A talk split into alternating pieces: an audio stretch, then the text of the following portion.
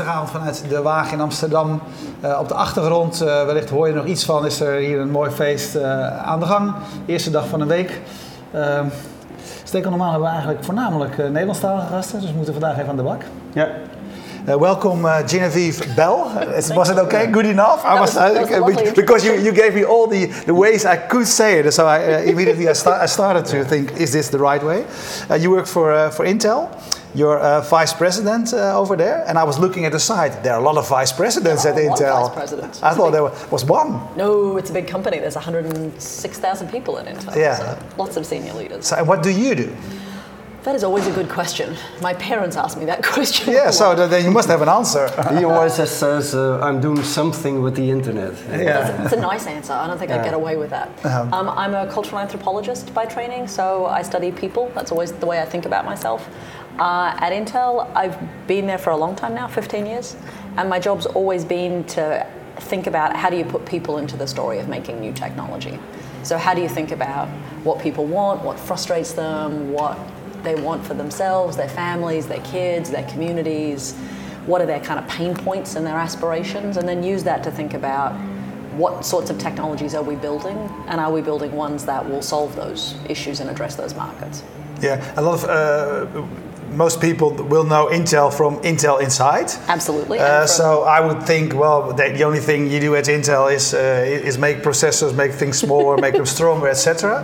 Uh, um, well, and, it, and it's true. We have just celebrated the 50th anniversary of Moore's law was over the weekend. So April okay. 19th was the 50th anniversary of the publication of that first paper, right? That says yeah. where Gordon Moore, who's one of the founders of Intel, said that microprocessors integrated circuits were going to get smaller and faster on a knowable cadence. You know, they would halve in size and double in density every 18 to 24 months. That was the kind of the rule, right? And that rule has held remarkably true over the last 50 years.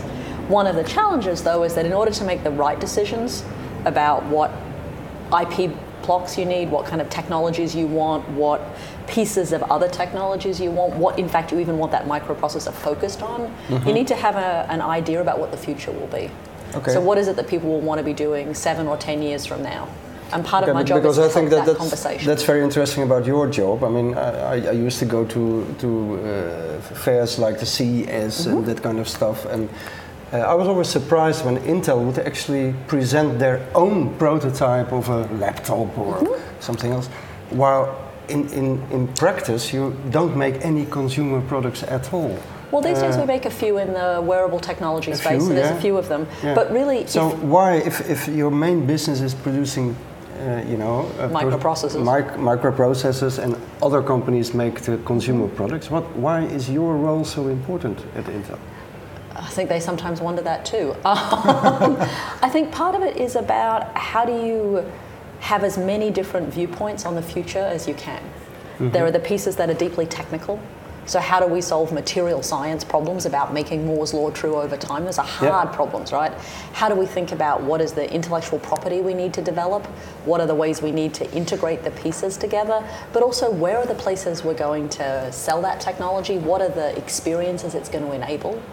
Is it about being mobile? Is it about being connected? Is it about technology that knows something about you? Is it about technology that you're going to consume a lot of media content or make things? And to have a kind of view about all of that is partly my job. In other companies, you might sometimes describe me as a futurist. I don't really like that label, but there's a mm-hmm. part of my job that's about saying, what does the world look like in three, five, ten years' time? Okay, and how do we us. make sure, what does yeah. the world yeah. look like? Remarkably like today, actually. It's one of the great things about my job. I mean, the, the, the really interesting thing in some ways is the, the things that make us human they change really slowly. And the things that we care about as human beings, those things are really slow and consistent, right? The things that we care about and the things that we're anxious about, likewise. We've had the same anxieties about technologies for over 200 years. You know, we worry about our jobs, we worry about our language, we worry about our culture, we worry about whether we're all having to move too quickly. Those stories, those anxieties, we had them 200 years ago.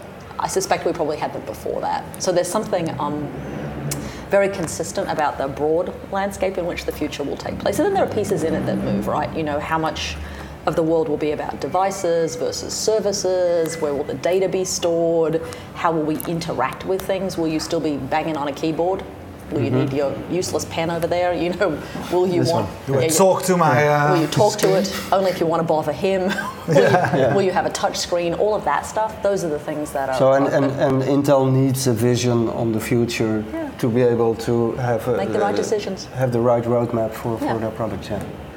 So that's extremely important. Mm-hmm. That's what you said. So uh, that, that doesn't start with the technology. It actually starts with the people who use the technology. Yeah, I always think it's a dialogue, right? I think you have to have a, kind of a point of view about the experiences, a point of view about the markets, and a point of view about the technology. And it's a relationship between those things always, right? It's a little bit of if you look at the technology and you go, oh my God, here's this whole other thing we'd never thought that you could do, and the technology opens that space up, you want to go pursue it. And sometimes it's about, here's this pain point that people have had for a really long time, we should go fix it. Mm. Or here's a market that's emerging with a set of new affordances that hasn't been there before, we should go fill it. And for me, it's always about those three things, right? The technology, the people, and the markets, and you have to navigate between them. And my job's about a piece of that puzzle. Yeah. You say, uh, I look, just to say the, the next five years, for example, if, when you uh, look back, how have uh, people um, surprised you during the last, say, 15 years or something? Oh my things- goodness. That's always my favorite question, right? I think the kind of the nicest bit about my job, the piece I, I, I've always loved, was that I get to go and spend time with people in their homes, in the places they Yeah. make meaning in their lives, and you get to just watch people do things. And sometimes, you know, it's the it's the really small stuff, right? You know, how are people using technology to keep up with their families? You know, how are they using the internet for that? Or what are they doing with mobile phones? And you know, sometimes it's really small stuff. It's like here are the pictures of my kids. I'm now really excited that Skype exists, which is now an old technology, but still has this real power because it's about family stuff, right? My dad discovered Skype about two weeks ago.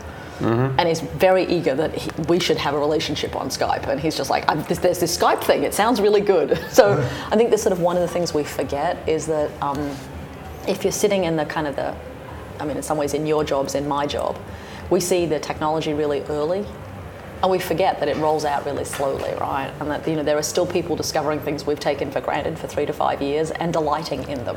Mm-hmm. So the power of the power of some experiences to be wonderful doesn't diminish just because the thing's been on the market for a couple of weeks, a couple of months, a couple of years.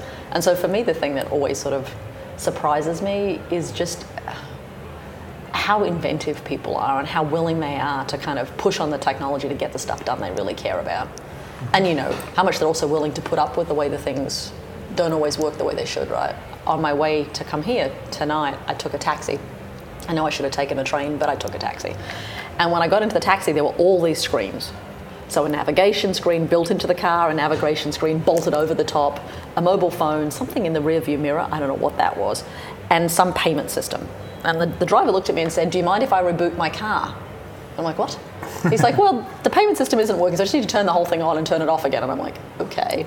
And so we sat there while he turned the engine off, waited from, you know, I'm sure counted in his head, one, two, and then turned the engine back on again. Then all the screens flickered to life, and I thought, Oh dear. Yeah. this is, you know, this is a complicated way to live. Mm-hmm. But you know, clearly he gained value from all of those pieces, and he was willing to put up with the fact that every now and again he needed to reboot Actually- his car. Yeah, so, but- so but you say uh, some uh, a lot of things stay the same. So people are uh, social, so people want to communicate, Yeah. etc. So you're uh, and and what I always say is when you when you mention the Skype uh, example, uh, when people uh, said, well, uh, technology was complex and it still is sometimes. uh, Absolutely. But when when it's when when you uh, realize how it helps you, I always said there are no grandparents uh, with uh, grandchildren abroad that don't know how to use Skype because it's evident. Well, the most most of them do because it's evident how how, Oh, what, absolutely. how it No, helps them. I was trying to think about what did that mean about my father's relationship with me that he's only just yeah, discovered this and I've yeah, lived abroad yeah. for Well, it's a good thing that he 25 now years. does it. He does Exactly it right. now. I mean, this is true. let's see it Yeah, like that. It's good. Yeah. So so um, uh, and and when you say so th- those things uh, uh, stay the same. Uh, and, and when you ask well, how, how does it uh, surprise you, I remember a friend of ours used to work at KPN when they were doing the research about uh, texting, uh, SMS, and of course they asked all the people, would you like a service where you could from the shop uh, send a message home or ask what, what people want, and everyone um, uh, said no, we don't, we don't need that. So, so how, how yeah, I, I'm always I always say to people, I had, no one knew that uh, Twitter was going to come. No one knew that. Uh, you, you did? Um, but I think the, the, the trick about that question is it is absolutely the case that it is very hard to ask people what will you pay money for and use a year or two years from now or three years from now. And it's very hard to say to people if you've never had a thing, here's this thing I can't even really explain to you. And I can you know, we can almost imagine what the focus group would have been like in which you said, so imagine you have this mobile phone thing that you don't really have a lot of yet, uh-huh. and your friends are on it, and you can send little tiny snippets of text. It would have been an almost impossible thing to describe to anyone in a way yeah, that was compelling. Who wouldn't even understand. Who would have understood it? Right? There's an hil- hil- hilarious video actually taken on the pontoon right here behind the central station, where they actually ask people uh, about the concept of a mobile phone and you know they rebroadcasted that and they asked them 20 years ago would you like to have a mobile phone? People like, and uh. people say no. Terrible people i have a phone at home. Why would i need to carry one? But and people know how to find me and they can also send me a letter. Exactly. That's a lovely answer right. And my, my suspicion is though that there are yeah. different ways to, to ask people that question right and different ways to read in the ecosystem. Yeah. if you'd said to people would you like a lightweight, imagining that you have a mobile phone in your hand all the time, which was already a weird proposition, right? That was not true in text messaging. Mm-hmm. It, imagine that everyone you know has this thing in their hand and it connects all of us together. Would you like some really lightweight way, some really easy way to let them know you're thinking about them? Everyone would have said yes. Of course we would. And it wouldn't interrupt them. That'd be great. We're like, yes, we love that. Asynchronous? Excellent. The challenge would have then been how do you technically implement that? And the reality is there's always this interplay, right, between you build platforms and people use them for totally unintended purposes. Yeah. Mm. I mean, I think, you know, in some ways the internet hasn't exactly rolled out the way the people who were doing the ARPA and DARPA investments thought it would. Yeah. So the trick is how do you leave room for people to invent on the platform, but also how do you do a better job of asking people what they want yeah. without telling them what the technical solution is, but you ask them about how do they want to feel. Yeah. What could the experience be like? What is it they're trying to do? Not in a kind of, I need this thing to connect to that thing and I want, yeah. you know, a data messaging system that you know is low throughput bandwidth. Yeah, what does that mean? But then I'm still intrigued uh, how that works with your job within the big, huge Intel corporation. You you work with a team of about hundred social scientists and designers? I, so I used to. Uh, we used to have a lab that had research social scientists, engineers, and designers who travel the world, yeah, prototyping uh, and making new forms of technology. And and then you come to certain conclusions. Yeah. Uh, and then what happens after that? I love that. So you know you should you should know at this point that there are people like me in almost every technology company on the I know, planet. I I'm so, intrigued in the process. Yeah. So you know, because then you go to, to then you have the technical people yeah, and absolutely. you start so, talking to them and say well i, I have this sure. idea but so it's lots of different things right sometimes it's you go and do ethnographic research so field studies you go and spend time with people and you think about what are the things they care about what are the pain points they have what are the barriers that they're experiencing and you bring that back sometimes it's a very clear conclusion this thing here needs to be more like that mm-hmm. sometimes it's yeah. more subtle you know or more kind of indirect frequently we would come back from doing fieldwork, sit down with designers and engineers, and start to think about how do you um, find a way to talk about the findings of the research in a way that people can get their hands on. Precisely to your question, right? What is the, the thing? And sometimes we built prototypes. Yeah. They weren't necessarily things you were meant to produce, but they were a way of asking the question and, differently. And, and, Intel does not leave the building of those prototypes and uh, actually the consumer products to your clients, but you really want to have that role yourself. Well, sometimes the prototypes are never things that were going to be built. They're mm-hmm. just an instantiation of an idea, right? Mm-hmm. They're a mm-hmm. way of saying, if it looked like this, what would the other challenges be? If mm-hmm. it needs to be this big, what do we have to think about to get inside that, right? What would the yeah. other okay. technical affordances we might need to work through? What would the ecosystem be? Where would you buy it? How yeah. would you get content to it? And sometimes those are very hard questions to answer in the abstract. Yeah. When you've got a thing, it crystallizes the conversation really quickly. Right? right. Frequently, and it's still the case now, there are lots of different ways at Intel that we partner with people in the ecosystem. So we might partner to do joint research about users uh, enterprise or consumer. We might partner to do co-design. So mm-hmm. here are some things we know that's technically really interesting. Here are some of the challenges you have. How do we make something together that does something interesting? So there really is, I mean, it's a broad spectrum of relationships between different kind of partners. And my team was a very small piece of that much larger puzzle, right? But there was also this kind of important um, way of starting to think a little bit differently, right? That wasn't about always start with the technology.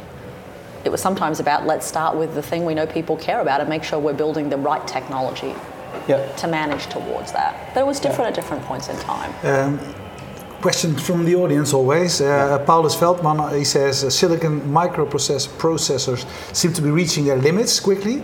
Uh, what, what do you think uh, will be next? This is where I should say I'm the anthropologist. Yeah. if you were to ask the ask the No, you engineers. But you started, talked- ab- you talked started about Moore's law. well, that's right? true. It's absolutely fair. Yeah. You know, we, we would say that Moore's law has still a significant future ahead of it. The challenges are not insubstantial, and the technical work to be done there is difficult. But Moore's law has some time ahead of it, where it is still interesting work. And then, you know, the thing for me that's always interesting is what gets done on top of that, right? You know, we think about all of the places that integrated circuits at the most basic level now find their, their, their, their way, right? So, you know, you think about the very early days, maybe it was computers. And truthfully, when Gordon's article came out, the first thing he thought that circuits would be in, which is really ironic, was um, smart watches. Yeah. Digital watches. You're like, wow, okay, from 1965 to now. sort of there's, there's that piece, right?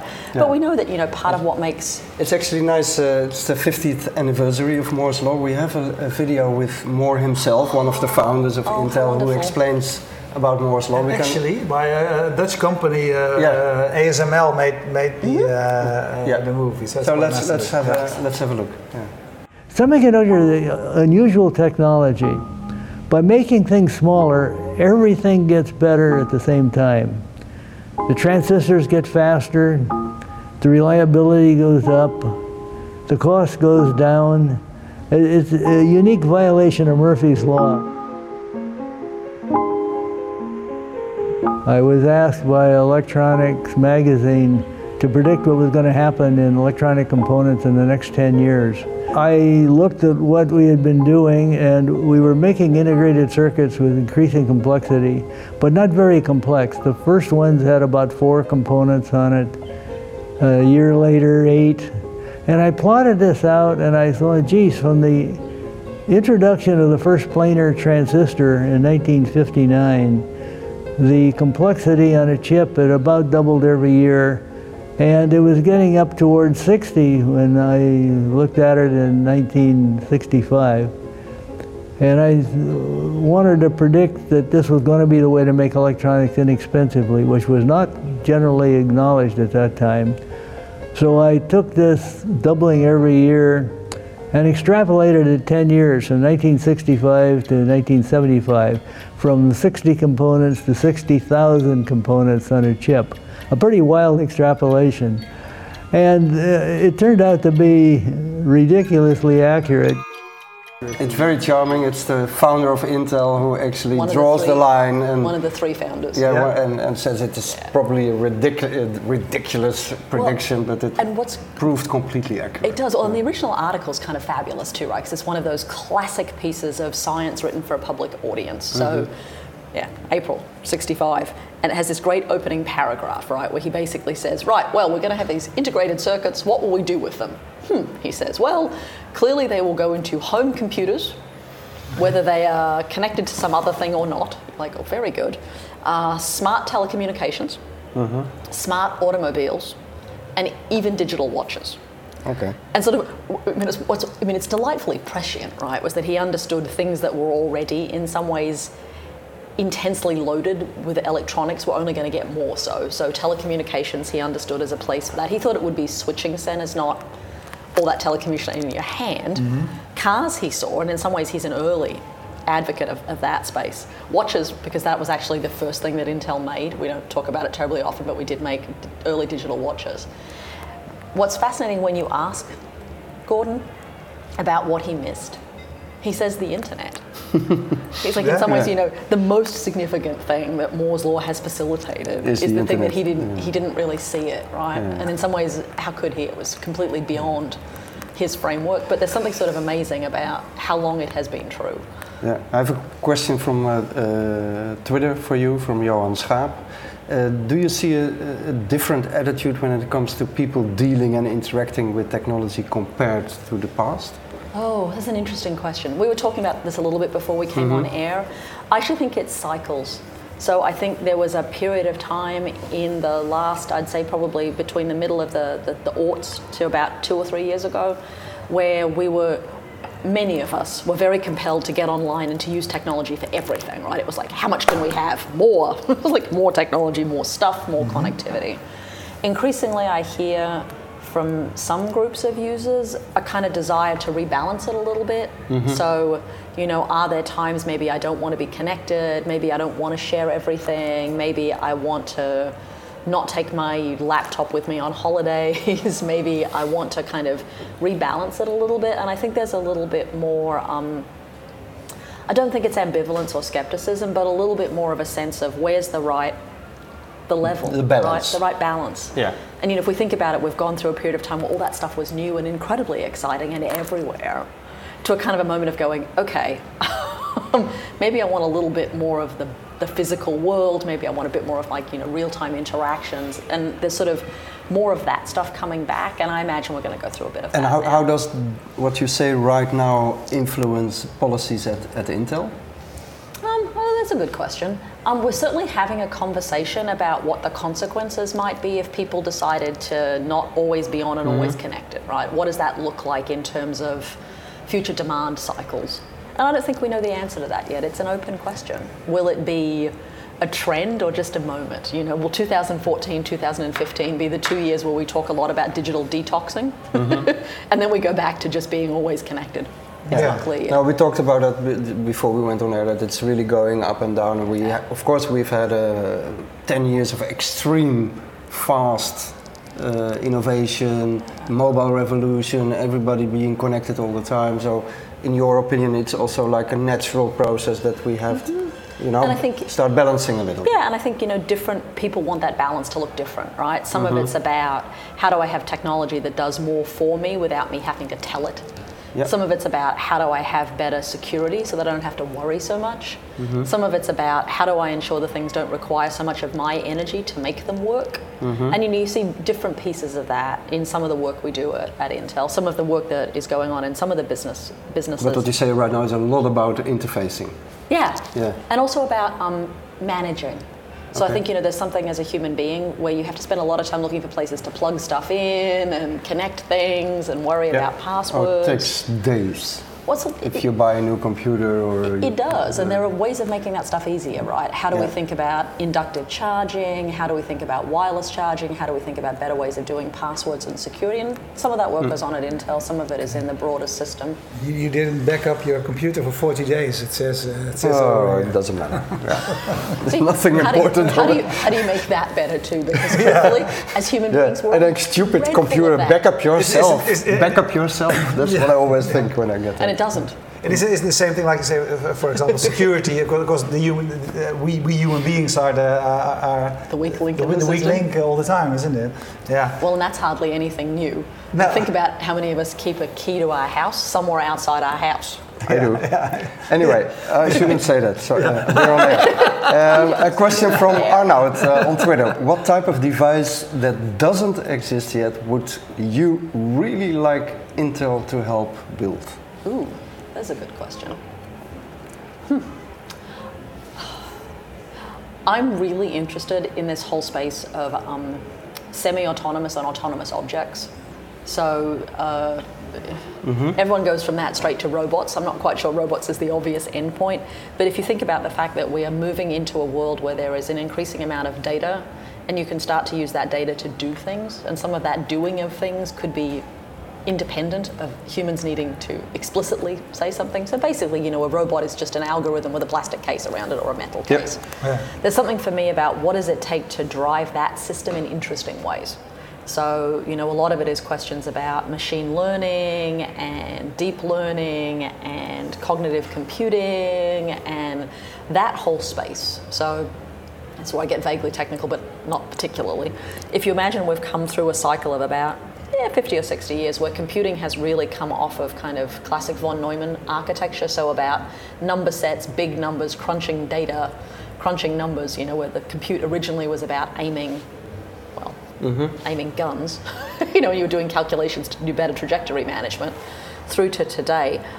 The way we think about how computing is architected doesn't necessarily work well for this other kind of set of questions about what would it be to have autonomous or semi autonomous machinery or algorithms or robots or drones, whatever you want it to be, right? Or frankly, personal assistants that take care of you. So think about the next generation of Corey, uh, Cortana or Siri or that whole crew, right? What does it mean to imagine those things?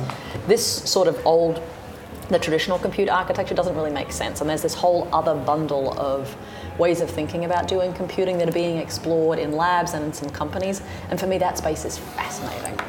So more there. Okay, uh, you're a cultural anthropologist. Uh, I, e- even even on the internet, yes. yeah, You, you, you said in the beginning you study people. Uh, one do. of the questions I have is, uh, you know, half of the population I think is online at the moment. The other half is coming online over the next five or ten years, and a lot of them come from the African continent, for example. Uh, completely different cultures, completely different people, completely different Absolutely. way of living. What does that mean for the kind of technology we are, have to develop when Oh, those people come online? Well, when all kinds of different people come online, right? Uh, So I think, you know, what's been fascinating is there are many parts of the world that are already online in ways that we don't anticipate, right? Whether it's using a mobile phone network rather than the classic internet, whether it's about different forms of connectivity. And some of the places that have come online in the last five or 10 years have brought with them really different ideas about things that are percolating through Give the us whole an system. example. Uh, mobile phones as payment. Yeah. So mobile payment systems actually originated in Africa. Yeah, Yeah. I, I use it in 2000 already in Africa. exactly. But it took Just a long send an SMS with uh, uh, credits from your uh, so basically you were sending, phone. you know, you were using mobile minutes as a form of payment, Right. but it was using the mobile phone system as a payment system. It took a long time for that to come back Yeah, into the kind of the, the emerged world, the West. yeah, But it's been hugely popular here, right? So there's sort of interesting notion where, in fact, there are pockets of innovation happening all over the globe. We just don't do a good job of necessarily tracking them. And my suspicion is, as different communities and different kind of cultures take on board the internet, it won't always look the same, right? It's not going to be the same device. It'll be different kinds of devices, right? It won't always be the same notion of the network. Some of it mm-hmm. may be, I get my content from you, not the service provider. Mm-hmm. Some of it may be about how do you pay for it, may be different. It certainly is going to be regulated differently. Mm-hmm. You know, what, what is allowed and what isn't allowed. It may be different experiences that are important. So, you know, is it about a platform that tells you about healthcare warnings, lets you send remittance payments to your relatives, lets you send um, goats for particular religious ceremonies. There's a whole service of paying for goats over the internet and having them turn up at the other end. You know, whether it's about forms of online dating. I mean, Yeah. all of those are going to look radically different in different Yeah. markets and even in ones that we would consider to be relatively stable, there are already new things happening that kind of challenge all of that stuff, right? Are we going to a world that's mobile first? Maybe. But you know, we also know that televisions are getting smarter, cities are getting smarter. So some of the, you know, the smart city installations are not in the typical places. You know, they're and that's a huge opportunity for Intel, of course. Eh? I think it's a huge opportunity for all kinds of Yeah. people. I mean, not just Intel. And it's about, Yeah. you know, how do you think about what does it mean to talk about a smart city? Mm-hmm. you know, what bit's getting smart? Yeah. Is it the transportation system, the conversation you were just having? Yeah. You know, is it the infrastructure in some other way? Is it for citizens? Is it for governance? What's the infrastructural build out? And all of those things, those are going to happen in lots of different places, right? Mm-hmm. You know, Dubai is a really interesting example of a smart city, so is Singapore. They're doing completely different things in their smartness and solving for completely different problems. Yeah. And so the reality is, at least my sort of sense of it, is there's going to be lots of different answers, right? And the trick is how you pay attention to all the different things in it. And that's always kind of fun. The, uh, yeah. It's nice to have a conversation with pair of you and all you're doing is looking at your screens. Sorry, what? Yeah, both of us. Yeah. Yeah, we Yeah. don't listen now. No, I know that's good. No, we don't. No. to, to each other or to me. That's good. No, we just like ask that. questions. and we wait. We wait till the guest stops, and then we have a list of questions. And hopefully, there's someone from the audience that helps us out. Yeah. That is the that's the format of this show. This is the future right here. It's Yeah. good. It's a, I'm it's a very innovative format. Yeah, no, it's, it's, it's excellent. Yeah, yeah but I, I, was thinking as well about the, the whole. were the whole yeah, sorry, I was trying to understand maybe. Um, the, the whole, the, like you say, the, the whole concept of, of smart city, because everyone has, is talking about uh, the, uh, the Internet of Everything or the Internet of Things and the smart city. It, is- it are such a, sort of big uh, things, and, and, and every yeah, and no one knows what, uh, what it is yet. Well, because there's also this lovely thing. It's like, what is the opposite of a smart city? Is it Yeah, like a dumb yeah. city? A dumb city. yeah. Which is a terrible thing to say. Would we say Yeah. Amsterdam was dumb? Not really. So maybe it's smarter cities, maybe it's integrated cities. I mean, I'm sort of, the language is always interesting, right? About Yeah. what it sort of suggests about what the, the, the promise is. And, you know, what's sort of going on there, right? You know, what's being made smarter is always the question I want to Yeah. ask. And the same with the Good Internet of Things, right? What's being connected and why? And what Yeah. could we learn from the things that have already been and for connected? what reason?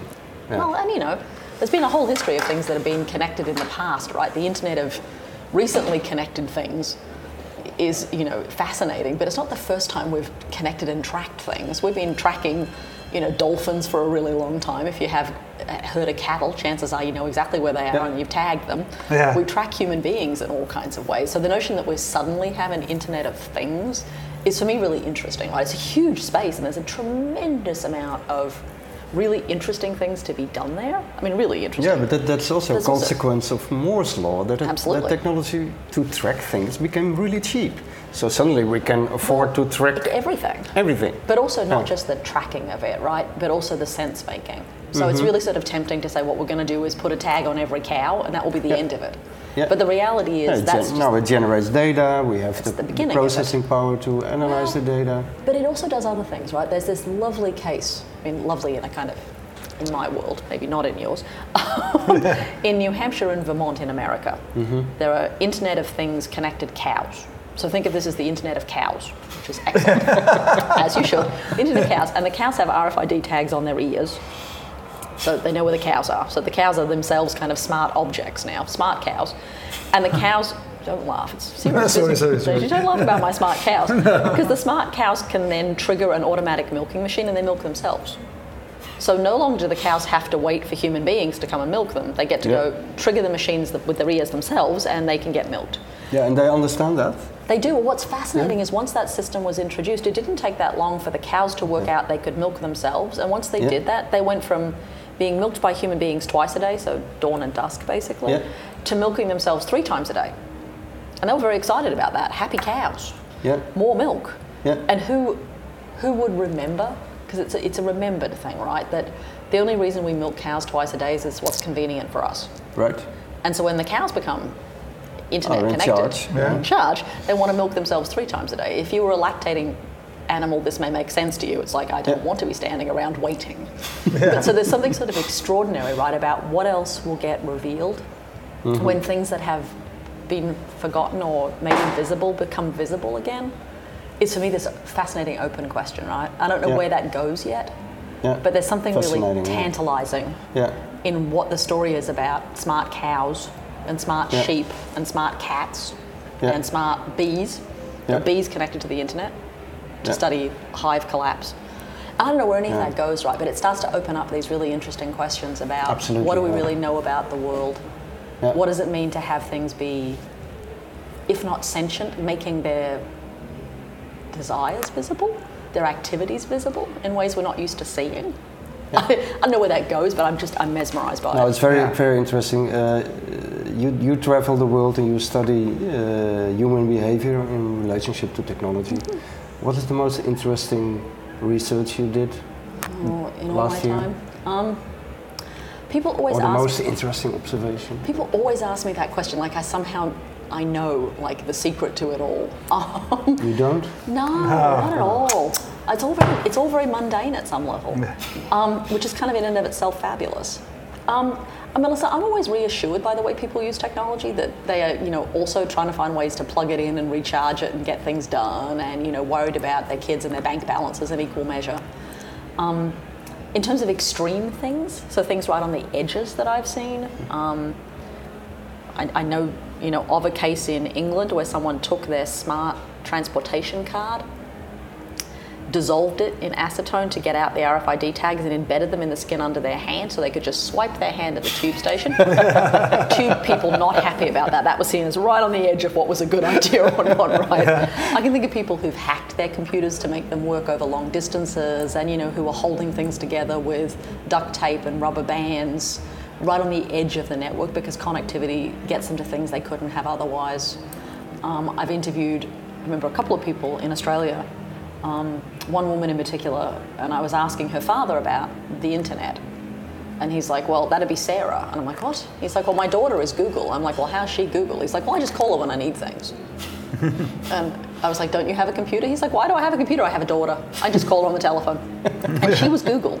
And as far as he was concerned, he had Google. Yeah. I mean, he didn't need a screen, he didn't need a keyboard, he just had a mobile phone and his daughter And who would always answer. Yeah. And there was something sort of, for me, really interesting about imagining you can experience the technology without ever owning it, right? That you Yeah. could have these encounters with things we think of as being profoundly screen based That's interesting, yeah. without ever needing to have a screen, right? Yeah. And there's sort of something about what does it mean to connect up all those people who aren't connected? It doesn't always mean putting devices in their hands.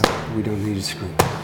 Well, he's got, he's I still do. got one. So you, you're sharing one now. Yeah, yeah. He's looking at my screen now. Exactly. so I think all of those are kind of, you know, they're interesting, right, about what those things mean about how people want to do things.